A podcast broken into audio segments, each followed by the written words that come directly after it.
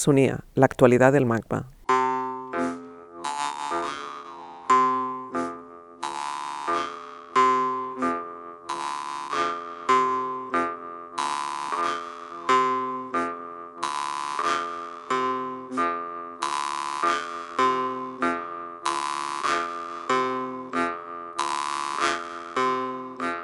Antonio Gagliano es artista, escritor, editor y curador, y en todas estas dimensiones de su trabajo el dibujo ocupa un lugar constitutivo o vertebral. Su práctica se articula en forma de largos procesos de investigación en los que utiliza diagramas y dibujos como una forma de asimilación sucia, filtrada por los afectos de los materiales procedentes de archivos y de Internet. Asimismo, recurre al dibujo como una técnica legal para sortear los bloqueos que el propio archivo genera, explotando de forma productiva el limbo legal de la copia manufacturada. Sonia habla con Antonio Gagliano de sus proyectos, de su relación con el dibujo y los mapas de ideas, y de cómo generar herramientas, protocolos y cartografías que nos sirvan para circular en los archivos y en los repositorios de nuestro tiempo.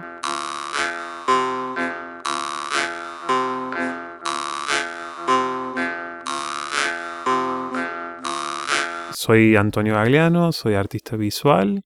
Tengo una práctica mm, situada en algún lugar intermedio entre el dibujo, entendido de una manera muy amplia, y la escritura, entendido de una manera muy amplia.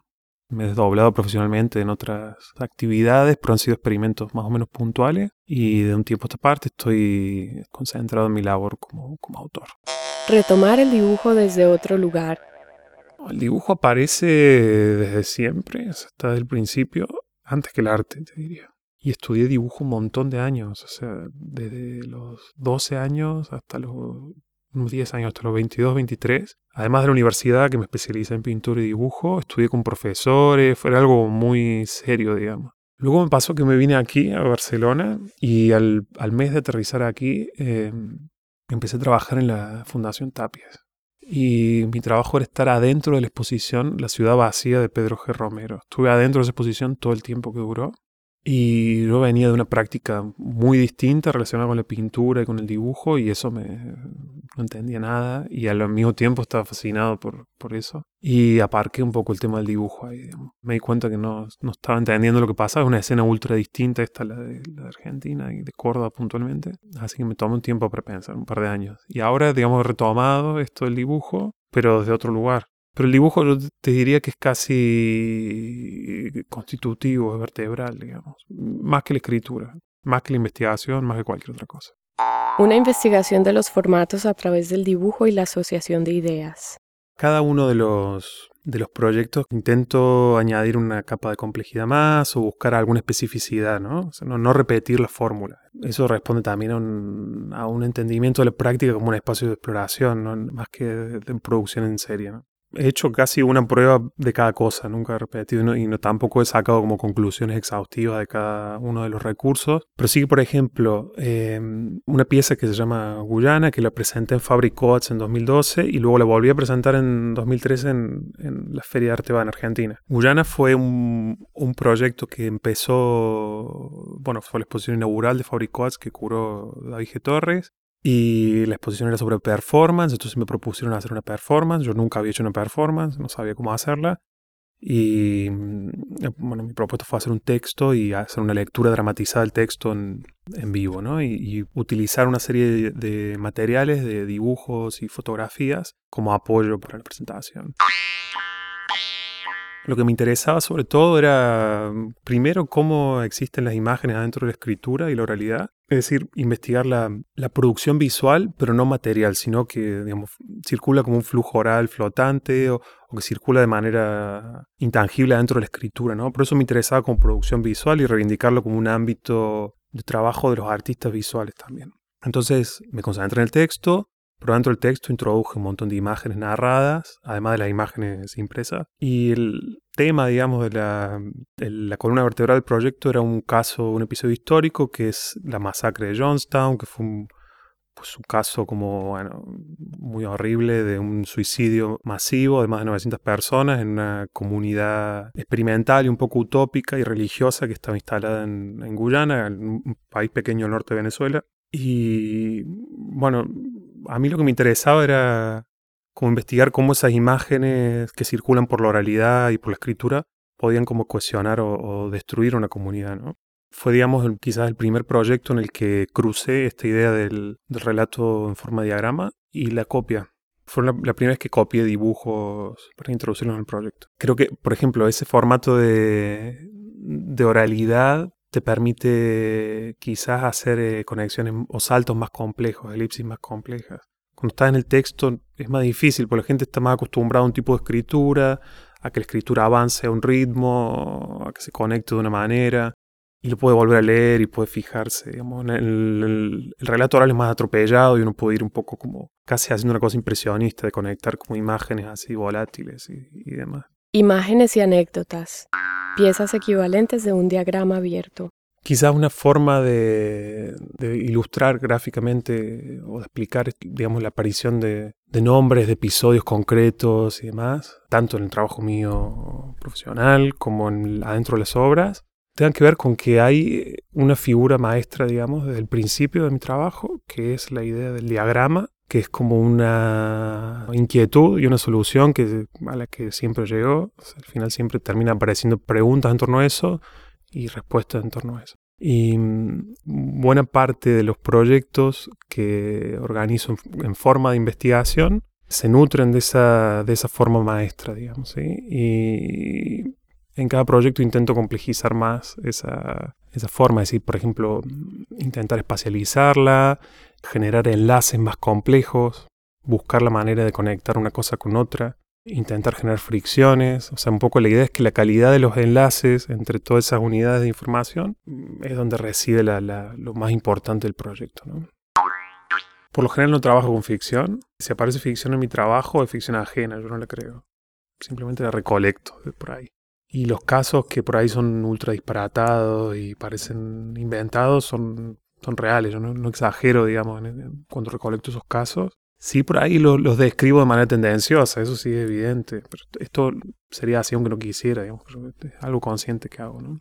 Luego hay un punto, es verdad, esto muy poco científico en, el trabajo, ¿no? Porque, porque las fuentes de información son, son muy dispares. O sea, el relevamiento de archivos viene antes que la lectura de los textos canónicos sobre ese tema. Es decir, si voy a trabajar con el archivo Puchica-Falk, el archivo este que estuvo escondido durante medio siglo, etc., voy al Archivo Nacional a hacer eso, no me leí antes los textos sobre Puchica-Falk. Voy derecho al archivo y a ver qué sale del contacto con esos materiales. ¿sí? Luego trabajar con información de Internet, que la información de Internet está ahí, pero a ver quién la contrastó antes, ¿no? Es decir, no, trabajar con historia oral, con entrevistas y luego toda esa información que durante el proceso de investigación de un proyecto es bastante frenética, es como una absorción un poco descontrolada de información. Luego toda esa información recabada es puesta al mismo nivel y la trato como si fueran piezas iguales. Entonces sí que se generan como irregularidades ¿no? en, los casos. hay veces que son un poco sospechosos y demás. Y es parte de trabajar con un diagrama abierto, en donde cualquier historia, cualquier imagen es una pieza posible para tu diagrama, entonces estás así con los sentidos abiertos todo el tiempo. Eso es algo quizás más vinculado, esto de los diagramas es algo más vinculado a, a procesos de investigación, me parece. Tiene más que ver con procesos de lectura e intentar entender, entender cosas. Digamos, entenderlo como una herramienta, que es algo que atraviesa toda mi producción, el tratar de generar herramientas y digamos elaborar formas de mapeo que no fueran las prefabricadas, inclusive en proyectos que me gustaban mucho de investigación a los cuales me sentía muy afines. A nivel gráfico me parecían que las soluciones que le daban a la, formalización de los diagramas era a veces muy convencional, muy deudora del diseño tradicional y demás, y que se podían hacer otras cosas en esa dirección. Y ahí empezamos a investigar, creo que la idea era, aparte de digamos, investigar modelos que no fueran estos modelos prefabricados de mapeo, e intentar también introducir como una cosa desmedidamente efectiva, ¿no? O sea, o sucia o no, resuelta en los diagramas. La historia, una fuente de casos emblemáticos. En general, o sea, creo que, que los casos que aparecen en los trabajos son un poco espectaculares, en primer lugar para, para conseguir un mínimo de atención, si no, no lo tienen. Segundo, no me interesa decir de manera explícita qué opino yo sobre ese caso. simplemente creo que el caso solo puesto ahí y conectado con otra serie de sucesos ya insinúan cosas muy potentes. Yo simplemente los pongo y hago que insinúen cosas. Y además de la espectacularidad para conseguir cierto mínimo de atención, me parece que esos casos muchas veces funcionan como una suerte de emblema, ¿no? Si tienes una comunidad muy grande, una comunidad utópica de los 70, muy grande, que se suicida todo al mismo tiempo, o un tío que se opera a sí mismo para probar un avance científico que él mismo desarrolló, cualquier cosa de estas que están ahí en la historia, yo no tengo que hacer mucho más, eso ya, ya en sí mismo es una idea ultra potente, simplemente hay que activarla con un poquito de darle una vuelta y ya, digamos, no, no hay mucho más que hacer. Y por lo general opero así, es un trabajo más de recolección, de edición, de cartografía, de artesanía, que de intentar yo encontrar soluciones ingeniosas, de hacer el gag, ¿no? El gag neoconceptual, esto no, no lo hago yo, no me interesa. También de ahí sale, me parece, cierta propensión a usar materiales históricos, porque está todo ahí, digamos, ¿no? Buno, la exposición como diagrama expandido en el espacio. Uno fue la última exposición de arqueología preventiva de un ciclo del SPY 13 de la Fundación Miró. Y un poco lo que me interesaba investigar, sobre todo en ese proyecto, era ver cómo era la transición desde los documentos hacia, hacia la construcción de los relatos. un poco yo situé la investigación en, en que era de alguna manera era parte del, del, ciclo comisarial entero, digamos, hacer una investigación situada, trabajar con coordenadas locales y demás. Elegí trabajar con la montaña entera, pero sobre todo con el cinturón institucional que está compuesto por el Museo Nacional, por el Museo Arqueológico y el Instituto Cartográfico. Digamos. Y a partir de ahí ramifiqué hacia un montón de cosas más. Lo nuevo, digamos, además del contenido de la investigación, fue la posibilidad de espacializar un diagrama. Esa era un poco la idea, digamos, de, trabajar el espacio, pero también es la primera exposición individual grande que hice. Entonces busqué como soluciones en las que distintos componentes pudieran como enlazarse entre sí, pero que estuvieran espacializados, separados y demás. Uno fue un cartógrafo alemán del 17 es uno de los tantísimos nombres propios que aparecen en el proyecto. Uno, que lleva su nombre, pero no es un personaje central en el proyecto. O sea, se podría haber llamado a lo mejor Pucci Cadafalque el proyecto, pero decidí ponerle uno. Y me interesaba recuperar este personaje casi como un referente a nivel de diagramación. Me interesan mucho los diagramas que él hacía porque lo que hacía era construir dibujos, timelines que no eran lineales, sino que construía figuras con acontecimientos históricos y hacía, digamos, que la suma de un conjunto de, hechos históricos arbitrarios produciera una figura más grande que la suma de las partes. Digamos, estos sistemas de reverberancia que genero yo con mi diagrama buscan en parte hacer eso, digamos, simplemente hilar como si fuera un collar de perlas, ir poniendo uno atrás de otro un montón de cosas y hacer que quede algo distinto que se esboce un argumento, que se... ¿sí? Luego, en sala, por ejemplo, el tema del, de espacializar un diagrama yo creo que le tengo que dar una vuelta más. Por ejemplo, la exposición de la Miró me parece que quedó demasiado compleja, más compleja de lo que quería yo. Es decir, lo que pasa es para tener una, digamos, una impresión completa del proyecto de uno, tienes que leer bien la publicación, que no es una explicación del proyecto, es una pieza, digamos, en sí misma, y luego tienes que verte bien todos los documentos, que ya implica un montón de lectura más, y ahí todos los cruces se empiezan a ser evidentes y aparecen todos los vectores que conectan cosas, y los conjuntos, y los parecidos de familia, etcétera pero quizás es, muy demandante con la audiencia. La copia manufacturada como forma de relación con el archivo. Ocurren varias cosas, ¿no? Cuando uno se pone a, trabajar de esta manera, así, a investigar y luego intentar pillar algunas puntitas de iceberg y hacer las copias, ¿no? Ocurre, por ejemplo, que hay una aproximación muy lenta al documento. Por ejemplo, con uno con el proyecto de la Fundación Miró, trabajé con un volumen de información casi excesivo. O sea, estuve muy cerca de, la parálisis por, la cantidad de información. Porque fueron muchos archivos, mucha, mucha información. Y yo creo que llegué a un límite, toqué un umbral, digamos, ya ahí no se puede pasar en, esa cantidad de tiempo.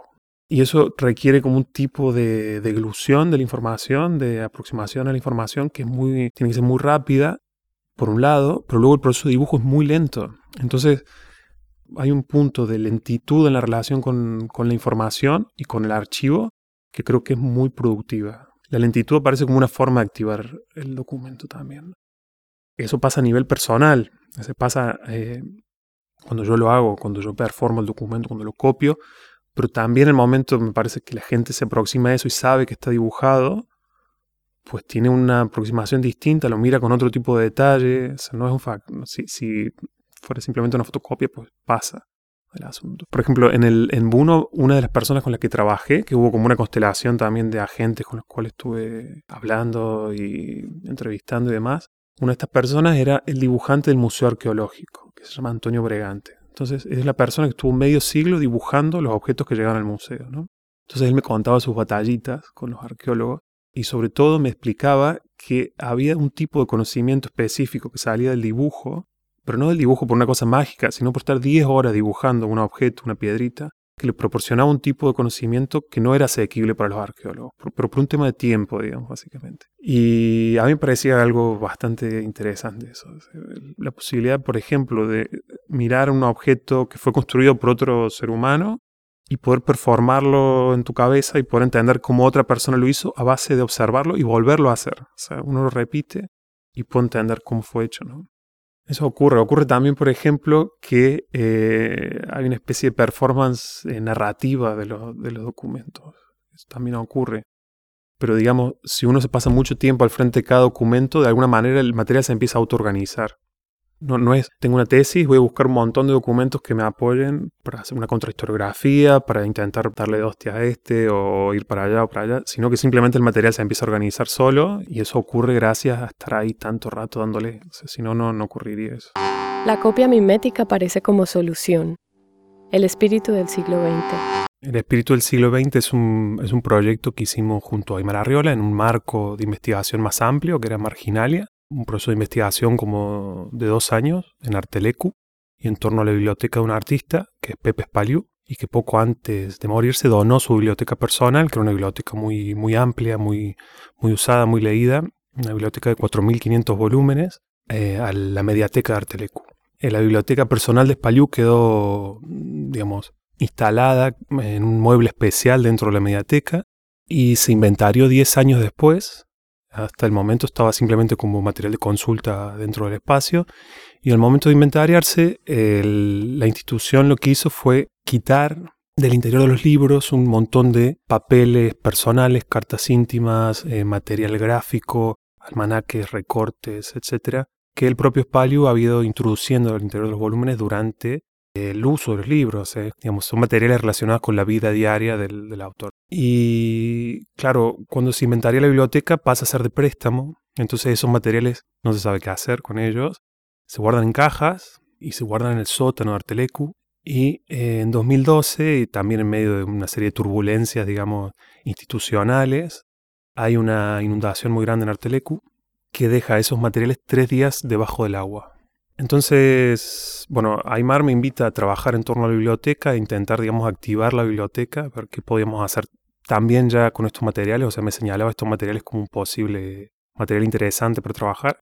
Y nuestra primera, digamos, eh, aproximación al proyecto fue digitalizarlos y poder estudiarlos y demás. Tuvimos, bueno, como una especie de negativa para hacer esto. Entonces, la solución, digamos, que encontramos fue hacer esta, poner en marcha e investigar al mismo tiempo esta suerte de método raro para liberar contenidos, que es la copia mimética y artesanal de los documentos. Yo había tenido una experiencia previa, en un, muy pequeña, en, una publicación de Beatriz Preciado. Ella me había pedido hacer unas copias de algunos documentos del, archivo Playboy. Fue algo como muy rápido, muy de urgencia, quedó en reposo. Yo nunca más volví a pensar en ello, no había pensado en ello antes tampoco, digamos. Y claro, al momento de resolver cómo, cómo hacer con este proyecto, pues apareció eso y intentamos digamos, darle musculatura a la idea, intentar estirarla, ver hasta dónde podía llegar, etcétera, y trabajar con abogados, y intentar armar un protocolo de copia, ver qué tipo de blindaje jurídico puede tener este, esta técnica y demás, ¿no? Entonces lo que hicimos finalmente fue seleccionar con Aymar algunos de los materiales que estaban en esta carpetas, estas siete carpetas que se llamaban colecciones Paliu, para la parte le había puesto este nombre. Técnicamente no son una colección, ni son un archivo, son un fondo muy aleatorio de, documentación. Y bueno, y reproducirlos en, dibujo, en una, técnica que es muy lenta y muy artesanal y demás, ¿no? armamos una secuencia, hicimos un libro y pedimos a, a Valentín Roma que escribiera un texto que, digamos, funcionara en paralelo con la publicación, ¿no? Otra situación que generaba el, proyecto era, digamos, una cosa desproporcionada en el sentido de intentar leer algo muy, muy grande, como es un siglo entero, a partir de un fondo desestructurado, residual y muy pequeño, como el parásito de una biblioteca o el residuo de una biblioteca. Desde la ruina de una biblioteca intentar leer algo monumental. Hay un gesto ahí que, que a mí me interesaba mucho también, ¿no? Porque reivindica que es algo que se repite en otros proyectos, que cualquier material, cualquier artefacto cultural es susceptible de vehicular conocimiento, de producir conocimiento valioso. Un protocolo de copia y el dibujo como técnica legal. Parte de la idea inicial del, proyecto, digamos, la semilla de donde nace el espíritu del siglo XX, este libro, tenía que ver con la posibilidad de hacer una suerte de prototipo editorial experimental que pudiera ser replicado en otros lugares por otra gente. Entonces de ahí salía la, digamos, esta idea de, generar un marco, un protocolo de copia que pudiera ayudar a la gente a que, lo, intente, digamos, en otros sitios y con otros paquetes de contenidos. Un poco la imagen romántica que estaba atrás de esto es eh, la imagen de los, de los programadores de Linux como una comunidad global de, artesanos, ¿no? Esta, como este grupo de gente intermitente que colabora en la elaboración de artesanía, que es una imagen romántica, como, pero me parece que podía funcionar como sistema, ¿no? Entonces, otra cosa importante con respecto a, los protocolos legales para hacer esto es que si bien uno puede generar un marco general y orientativo para tratar cada fondo y cada fondo digamos tiene un régimen de propiedad distinto, hay un punto en el cual cada documento requiere que un, abogado lo mire porque hay contenidos adentro del documento, es decir, puede aparecer un niño o una marca o puede aparecer una obra dentro de la fotografía que ya dificultan la copia, ponen trabas. Con lo cual, esta idea de editorial requeriría casi un abogado en plantilla, digamos, si uno lo quiere hacer realmente a gran escala. Y, eso, bueno, pues es inviable económicamente. Entonces, hay un punto en el cual el proyecto está todo el tiempo como en el límite de, la desobediencia, ¿no? O sea, de, poder hacerlo de todas maneras, tirar adelante y en caso de que apareciera una posible querella, pues ver cómo se puede solventar, ¿no? Claro, esto hay que ponerlo a prueba en otro contexto para ver si realmente señala una fisura legal importante, digamos. Y si es así, si realmente señala una fisura legal, muy probablemente esa fisura, si el señalamiento es bueno, la fisura probablemente se tape rápido, digamos. Entonces hay que imaginar que este proyecto debería estar en mutación constante para ser efectivo, digamos. Ese es el peligro de señalar también, que uno señala para todo el mundo, no solo para los que uno quiere. ¿no? La distancia mínima entre el documento y la copia. Hay muchas cuestiones a tener en cuenta con, la posibilidad de que esto tenga un, funcionamiento técnico real, ¿no? Y que sea una posibilidad real y blindada jurídicamente. O sea, nosotros durante el proceso elaboramos algunos ítems que nos parecía que eran orientativos para tener en cuenta por ejemplo, esta idea de la, distancia necesaria entre el original y la copia para que no sea entendida como una falsificación. ¿no? Desde el arte uno puede operar con el paraguas de la, recreación, la idea esta de volver a hacer una nueva obra, de la expresión individual, etc. Entonces hay una distancia mínima que hay que contemplar. Esa distancia, claro, no, puede ser demasiado grande porque poco el corazón del proyecto es que el documento siga teniendo valor documental, entonces no puede haber licencias demasiado grandes en cuanto a la información que contiene el archivo. Luego también aparecían otras cosas, por ejemplo, el fondo con el que trabajamos era un fondo naufragado, un fondo que estaba deteriorado materialmente y estaba marcado, estaba tridimensional, ¿sabes? está arrugado el papel. Entonces, ¿qué, eso hay que representarlo, ese, tipo de información es importante.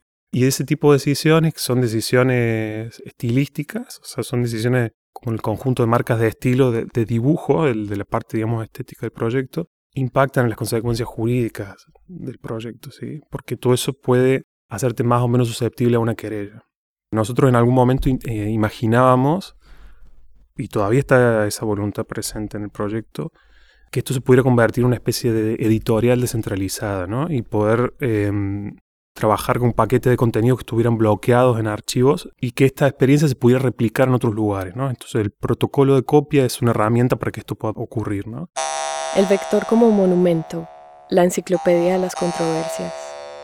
La enciclopedia de las controversias es un proyecto que comencé aprovechando la invitación a participar de Nonumen. Es un proyecto que se relaciona mucho con mi práctica anterior, no, no se distancia mucho de proyectos anteriores. Y lo que me interesaba era hacer una suerte de investigación genealógica sobre controversias gráficas y reivindicar esas controversias gráficas.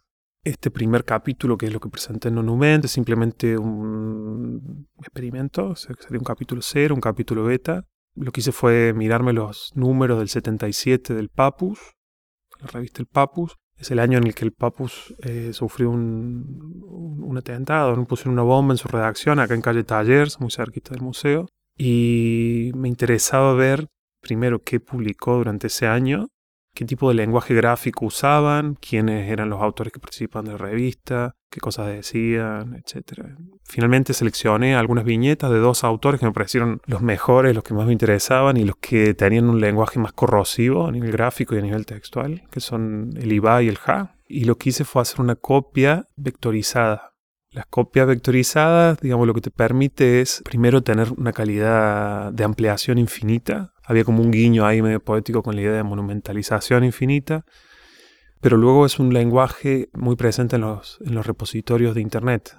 A mí me interesaba pensar el espacio público, la esfera pública, que son todos temas que están vinculados a esta exposición, no tanto como en relación a la ciudad, como, como escenario físico de la esfera pública, sino a los repositorios de conocimiento abierto, que son también parte del patrimonio y de la esfera pública, y pensar cómo se podía, digamos, incidir en esa forma de, patrimonio. Y me interesaba también rescatar un tipo de publicación que no es especialmente glamurosa, es como bastante incorrecta políticamente, creo que también para cierta parte de la izquierda, o sea, no, no, es como una publicación cómoda a ningún, nivel. Por ahí un poco misógena, o no, no, es que me guste especialmente, pero me parecía que aún así estaba bueno mirársela e intentar este, recolectar los recursos gráficos que habían provocado una reacción semejante, ¿no? Tan bestia. El arte contemporáneo sigue sin desencadenar ningún desequilibrio significativo en su entorno. Intento mantener una mirada panorámica de la cultura. Lo que no creo es que el mundo del arte produzca por defecto artefactos excepcionales. Creo que esto es algo que por ahí viene introducido por defecto en, las representaciones que uno se hace del mundo del arte, porque esto no es así. La excepcionalidad no se puede circunscribir a una industria. Esto es una locura, digamos. No, no funciona así la experiencia humana a ningún nivel. Y al mismo tiempo soy bastante como desconfiado de lo... O sea, creo que el arte sigue funcionando con criterios eh, viejos, digamos, de, que organizan la escena, que estructuran la escena y la economía de la escena de una manera previa a Internet. O sea, todo esto, los criterios auráticos de conservación de los objetos, esta idea que, de que por defecto se produce cultura excepcional adentro del mundo del arte, los circuitos de escasez artificial, ¿no? Se, crea obra y luego se cierran los circuitos de distribución para que ese valor se, el valor de esos objetos se infle. Todo eso es previo al, a la tecnología peer-to-peer, a Internet. me parece que es la manera que tiene el mundo del arte de sobrevivir a nivel económico o de, sostener la industria, digamos.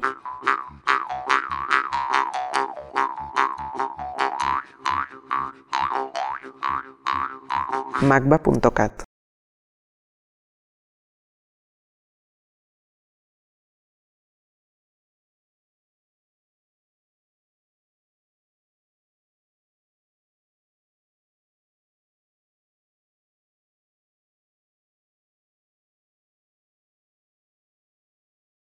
Razones para no ir al cine. Fragmento del Papus, número 189, último número de 1977. El humor distante y un tanto frío de Jacques Tati conmocionó a los espectadores franceses durante unos 25 años. España, colonia cultural de casi todo, también se rió mucho con las películas de Tati, aunque en el fondo más de uno pensase que su única obra válida era Mi tío. Ahora se estrenan las vacaciones de Mr. Hulot con un cierto aire de desengaño. El erotismo de la Edad Media se nos ha hecho odioso por culpa de lozanas andaluzas, libros de buen amor y otros fardos que nos han tirado encima. Pero usted no se deje engañar y vaya a ver los cuentos de Canterbury, de Pasolini, el creador del género. Los tíos son feos, las tías son feas, pero el espectáculo es maravilloso y aleccionador.